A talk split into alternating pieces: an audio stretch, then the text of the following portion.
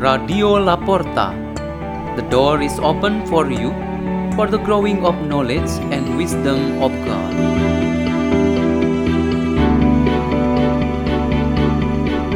by Odiri Meggison from Lagos, Nigeria.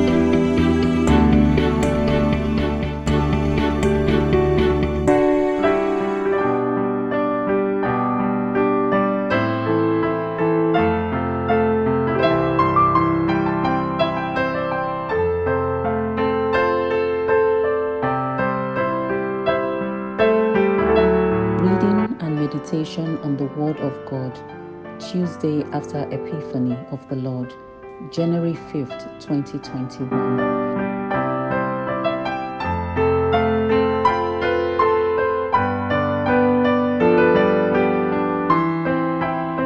The reading is taken from the Holy Gospel according to Mark.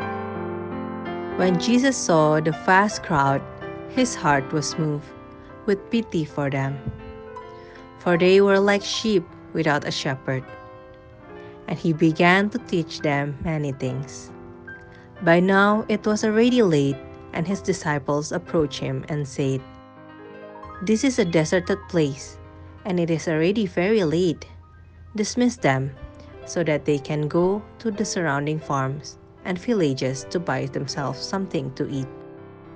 He said to them in reply, Give them some food yourself.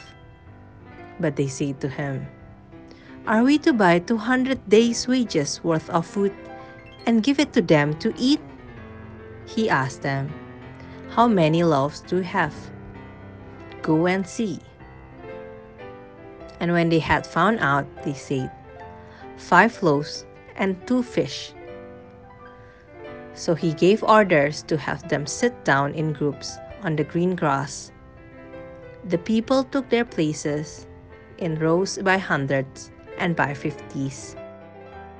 Then, taking the five loaves and the two fish and looking up to heaven, he said, blessing, broke the loaves and gave them to his disciples to set before the people.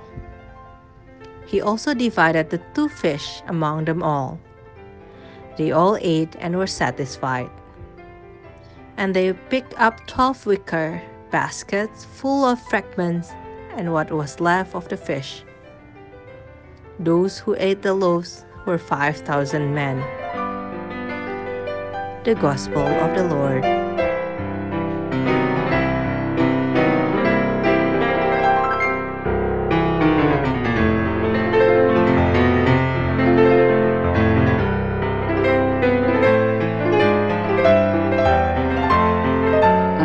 Today has the theme You Must Feed Them. In the prayer, Our Father, its second part is a supplication that begins with a request to God to provide food for human life in this moment or today. The indication of this moment or today is a reality which means a life that is now happening. So the need for food today is an actual need, which, if it is not fulfilled, human life will be in danger of starvation and death. There was a first grade elementary school boy who was praying the Our Father, and in the part that says, Give us this day our daily bread, he instead replaced it with, Give my dad a lot of money. Then he went to his father and reported that he had prayed to God to give a lot of money to his father. In the evening, when his father came home from work, the boy was rewarded with a toy car, which he had already asked several times. His father got a bonus from a particular job entrusted to him that brought a big profit to the company. From that benefit, he then bought a special gift for his son.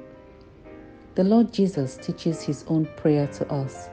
One of the reasons would be our direct access to the Father, and according to him, through this access, we can ask what we really need for our lives, and we believe in his loving providence. When it occurred in the, this desert, where thousands of people were starving after a long day of hearing Jesus' teaching, their need for food was so urgent, and Jesus wanted his disciples to feed those thousands of people. A direct action to provide access in whatever ways that people may have food is a basic condition that we need to comply in order to answer this world's needs and problems. God is so wise, for He presents others around us, such as our family members, friends, acquaintances, collaborators, and other fellow human beings. We can meet them both in real and virtual world. Our activities in social media indeed give us a very large world where we can meet a lot of people. They are all our neighbors in any time and place, as we also are available for any kind of interaction in this context. The command of Jesus is very appealing today that says, You must feed them. This should awaken faith and moral awareness of everyone to act appropriately in the provision of food or other necessary things for the needy.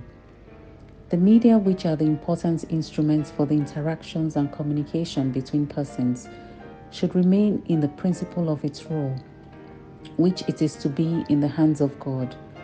God is love, as proclaimed by the first letter of St. John, is the very light that guides the work of media and all people involved for the provision of immediate access to food and other basic needs that people absolutely need. Let us pray. In the name of the Father, and of the Son, and of the Holy Spirit. O Lord, make us channels of your love to those who are in need. Glory be to the Father, and to the Son, and to the Holy Spirit, as it was in the beginning, now and ever shall be. Amen. In the name of the Father, and of the Son, and of the Holy Spirit.